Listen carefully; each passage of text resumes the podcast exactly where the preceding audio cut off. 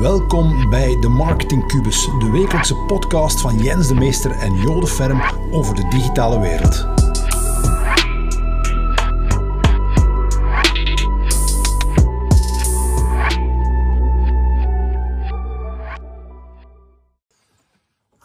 Hallo allemaal, nieuwe video van de Marketing Cubus met Jens de Meester. En uh, we gaan het deze week hebben over CANI, Constant and Never Ending Improvement.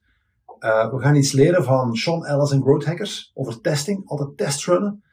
Um, en Jens heeft veel uh, grote websites bekeken en hoe dat ze geëvolueerd zijn in een lange periode. En het besluit is. Dat gaan we straks zeggen. Dat gaan we straks zeggen. Oké. Okay. Nog niks uh, Nee. Het is echt een nieuwe video, maar het is ook een nieuwe aflevering van de podcast natuurlijk. Ja. Dus uh, die je ook nog altijd kunt volgen op alle kanalen. Apple, dus het is niet enkel in videovorm, maar je kunt dit ook, uh, deze content uh, verorberen, ja. ook in podcastvorm. Goede tussenkomst. Ja, Maar, wat is er deze week gebeurd? En voor deze week is, het, is er heel veel gebeurd. Het is de laatste week van augustus. het wordt terug drukker, hè? En het wordt terug drukker, wat ik ja. heel fijn vind. Absoluut, ja. dus klaag niet. Dus, uh, dus het is al heel druk geweest, maar het wordt nog drukker. Dus ik bereid me nu de laatste week met mijn rol op voorbereiden op uh, Q4. Ja. Hoe dat we de laatste kwartaal gaan tackelen van dit, dit boekjaar. Ja. Um, allee, dit jaar. En ja, daar gaat mijn energie vooral naartoe. Um, maar ik kom dan ook terug heel veel meer in contact met mensen, fysiek ook wel, en ook met klanten. Dus ik doe heel veel klanten. Ah, ook met klanten? Ja, ja. Ah, ja. Ah, ja dat, is inderdaad, dat kan mij inderdaad iets minder goed uit. Maar uh, dus zowel fysieke activiteit die terug uh, inderdaad ja. is uh, erop, begint erop te leven. Ja. En ook met klanten, dat we gewoon elkaar terug in, in levende lijven Ik heb gehoord dat je het gaan dansen. Ja, ja, ook, ook uh, moet ook gebeuren terug, joh. Ja. Maar um, ook met afspreken met klanten. Hè. Ja, dus, natuurlijk. natuurlijk ja. Inderdaad, altijd het principe van de cirkels overlappen, joh. Ja. Dat zeg ik ook tegen mijn team. Regelmatig de cirkels overlappen. Want die gaan altijd uit elkaar en moeten terug overlappen. De cirkeltjes met de klanten. Zeer filosofisch. Voilà. Maar ik moet zeggen, ik vind ook echt plezant om terug mensen echt te ontmoeten. En voilà. Want je twee jaar lang gevideocalled met Ja. iedereen. Ja. Blij om ze koffie te gaan drinken. Maar het wel inderdaad een beetje oppassen. Wat, wat Te veel gaan lunchen. Ja, te veel gaan lunchen. Ja. Maar uh, plezant, maar ook heel leerrijk. Ja. Dus, en je kunt het niet geloven, joh, maar ik kom nog heel veel bedrijven tegen die vandaag de dag geen aanpassingen kunnen doorvoeren, zelf dan, aan een website. Ja. Uh, dus die ook niks kunnen testen en dergelijke. En Ja. vandaar dat we deze, deze video's slash Ja, ja podcast ik, maken. ik- als wij vandaag een aan, ik had vandaag iemand aan de lijn voor een nieuwe website. Ja. En die ook, kan ik dat zelf aanpassen dan? Ja. Dan dacht ik van ja, hallo, we zijn 2021. Tuurlijk kun je dat zelf aanpassen. Ja. Maar blijkbaar is dat toch Nee. niet voor iedereen zo. Nee, toch niet voor iedereen. Terwijl we weten dat bepaalde teksten op bepaalde elementen op de site Ja. een, enorm belangrijk, eh, dat het enorm belangrijk is dat die op de juiste plaats staan op die site. Ja. Hè? Dat die, dat er bijvoorbeeld, ik zeg ook altijd, een telefoon er bovenaan zetten, dat is niet de grote moeite. En Nee. dan kan de gebruiksvriendelijkheid wel gigantisch aan stijgen. Ja. Niks zo eigenlijk als eh, helemaal naar onder moeten scrollen voor een telefoonnummer Mhm. te zoeken op mobile. Terwijl, ja, waarom bezoeken mensen dus Ja. op mobile? Dat is een best practice. Hè? Voilà. Maar eigenlijk even terug van het begin. Ja. Ehm, heel belangrijk, sommige mensen willen een nieuwe website Ja. en die beginnen helemaal vanaf nul. Ja. En dat is de grootste fout die je kunt maken, want een website is KANI, constant and never ending improvement. Altijd verbeteren, verbeteren, verbeteren. En dan testen, testen dingen. Eh, en als je dan terug vanaf nul begint, dan ben je al die inspanning Ja. aan de testen kwijt. Dan moet je terug vanaf nul beginnen. Dus dat moeten we vermijden. Hè, dus dat is een beetje de, de, de eerste les. En hoe kunnen we nu eh, al die testen doen? Jens? Door AB-testing, hè. Ja. Ja. Wat wij doen is AB-testing. Ja. Uh, dus ja, 50% van de bezoekers een HRE-versie tonen en 50% een aangepaste versie van de website. En op die manier kunnen we stelselmatig die ervaring, maar ook die conversieratio uh, verhogen. Ja, belangrijk daar is de, is de kritische massa. Voilà, ja. voilà, voordat de statistiek uh, mannen op ons afkomen. Dat kan niet, dat marcheert niet. En, uh, Ja. Oké, maar um, we zitten niet in de wetenschap, we zitten hier in, uh, Ja. in de business en uh, hier moeten we wel iets sneller schakelen. Dus min moeten we zien wel dat er voldoende bezoekers ook naar de site komen, of naar, ja, voldoende mensen worden blootgesteld aan de AB-test. Met andere woorden, 100 kliks is niet voldoende, is kritische massa om Nee. een statistisch waardevol resultaat te hebben. Nee, in, nee, inderdaad niet. Mag, ja, enfin, ja, nee, inderdaad. Uh, Liever duizenden. Ja, voilà. Uh, inderdaad. Dus, maar het is wel belangrijk dat je inderdaad een kritische massa hebt, maar ook belangrijk dat je AB-test. Mhm. We zien dus vandaag de dag, stel dat je website hebt, Mhm. die je niet kan aanpassen, ja, dan heb je maar één versie van je site voor een Ja. paar maanden of een jaar of jaren. Dat, is, dat is een gigantisch verlies van, van, van omzet.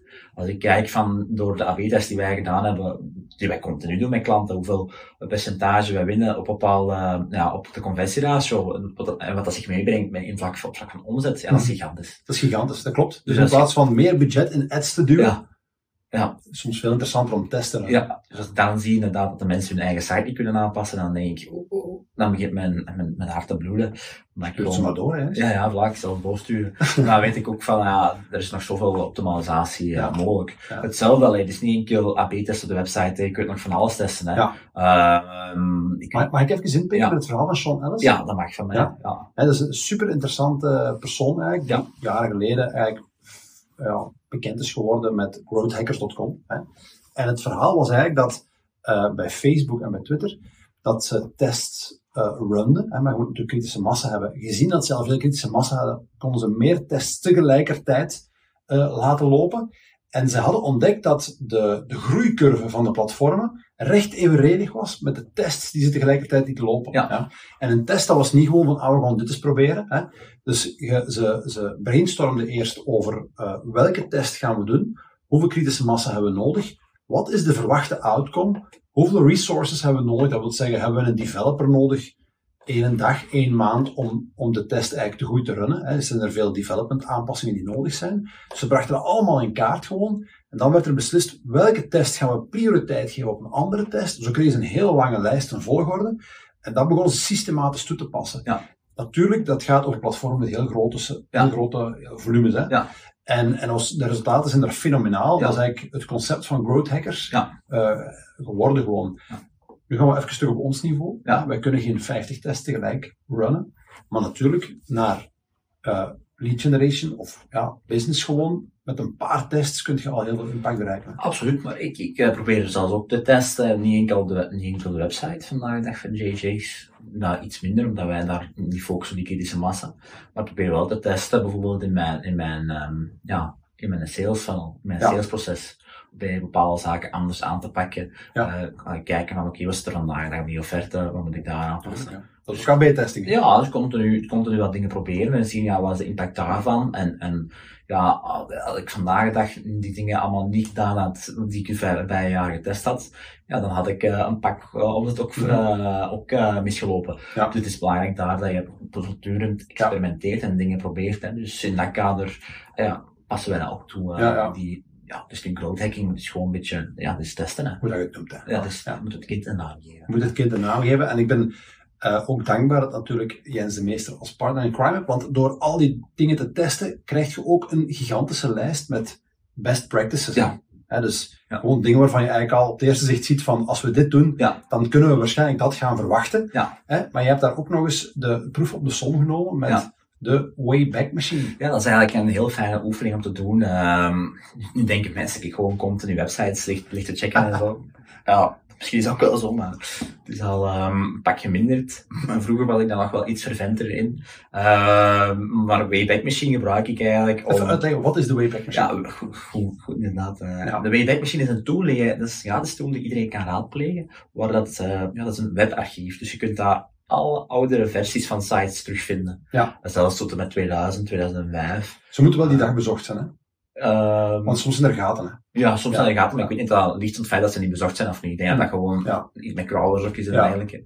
Geen idee hoe dat werkt. Het is ongelooflijk dat het werkt. Ja. Dus um, ja, die, die Wayback Machine, die hebben gewoon een archief aangelegd van alle versies van de website. Hmm. Sinds, ja, ik denk 2000. Ja. Nu moet het vroeger zijn. Zelfs, zelfs de, de, de BoardX website van ja. 2005 heb ik nog terug. Dus je kunt er gewoon oude versies van websites terugvinden. Ja. En ik vind dat heel fijn om daar zo eens in te graven en te zien van oké, okay, wat zijn eigenlijk alle iteraties eh, alle versies van sites van vroeger tot nu.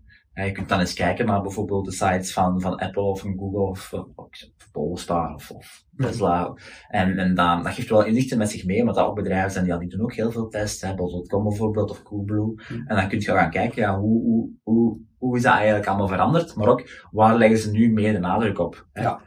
Um, mobile versions, ja, was er vroeger nog niet, dus dat is, dat is, dat is verschillend. Ja. Maar het is wel interessant om te zien van, oké, okay, waar gaan ze nu meer op focussen? Ja. Op vlak van design, hè, welk element spelen ze meer naar uit, maar ook vooral op vlak van inhoud en de waarladder, hè. Ja. Welk aanbod schuiven ze naar voren? Hm. En op vlak van... van heel, heel kort, Ja. waarladder? Ja. In, in 30 seconden? Ja, dat is een hele moeilijke. Waarladder is uh, de, ja, Ja. de level of commitment dat iemand wil, is bereid is om aan te gaan. Hè. Stel je dat je eh, een waarladder hebt, heel simplistisch, met ehm, een basisaanbod van gratis e-book.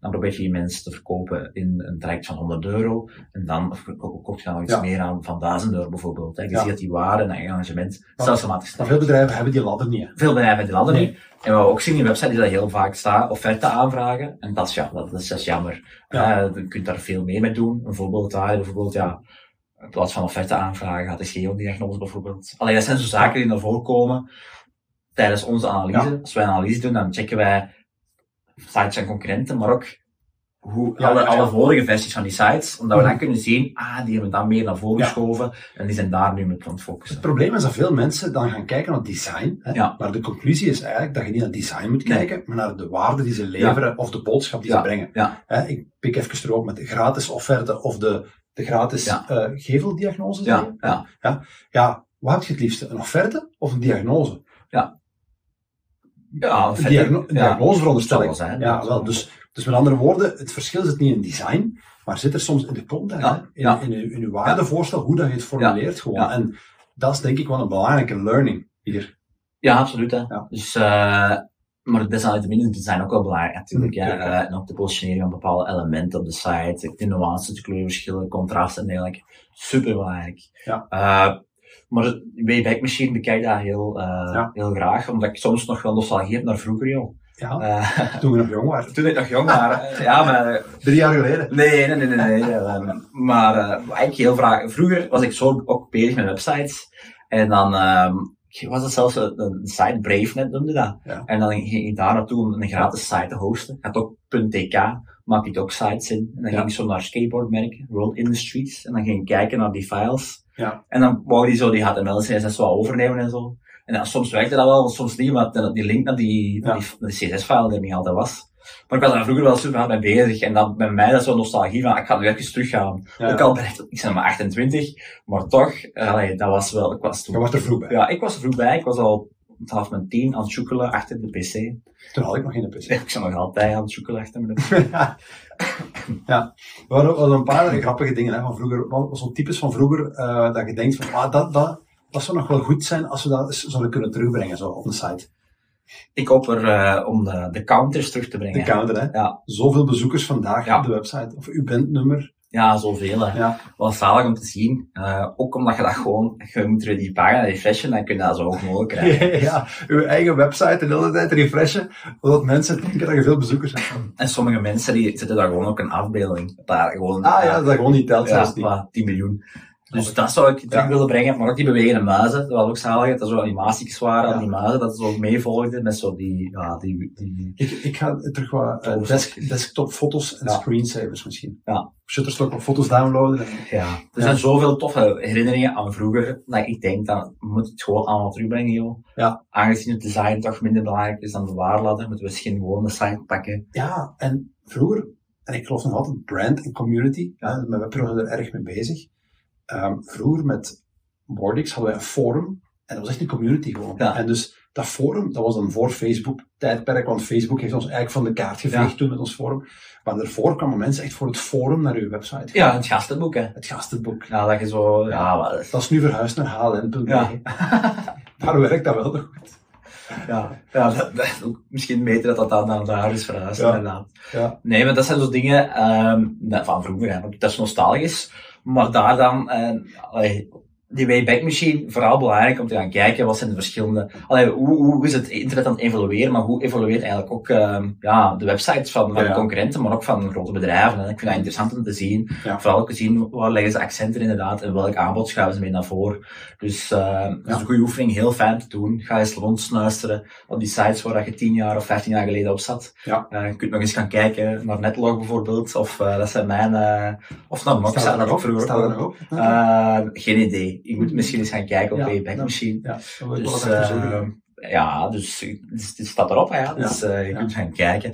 Dus maar een heel fijne Ja. oefening en super leerrijk, vind ik Ja. zelf. Um, en sommige sites, ja, die doen zoveel aanpassingen op een jaar tijd, dat je daar gewoon al op een jaar tijd uh, Ja, ja. kunt gaan zien. Dus besluit, Kani, constant and never ending Ja. improvement. Ja. en vind het wiel niet eh, opnieuw uit. Ga eens kijken bij de concurrentie. Wat, wat, is hun, hun, wat zijn hun iteraties doorheen het Ik jaar? voel een goed idee voor een nieuw e-book. Ja, komt eraan. Ja. Binnenkort in de betere kampenwinkel. Eh, Dank Jens.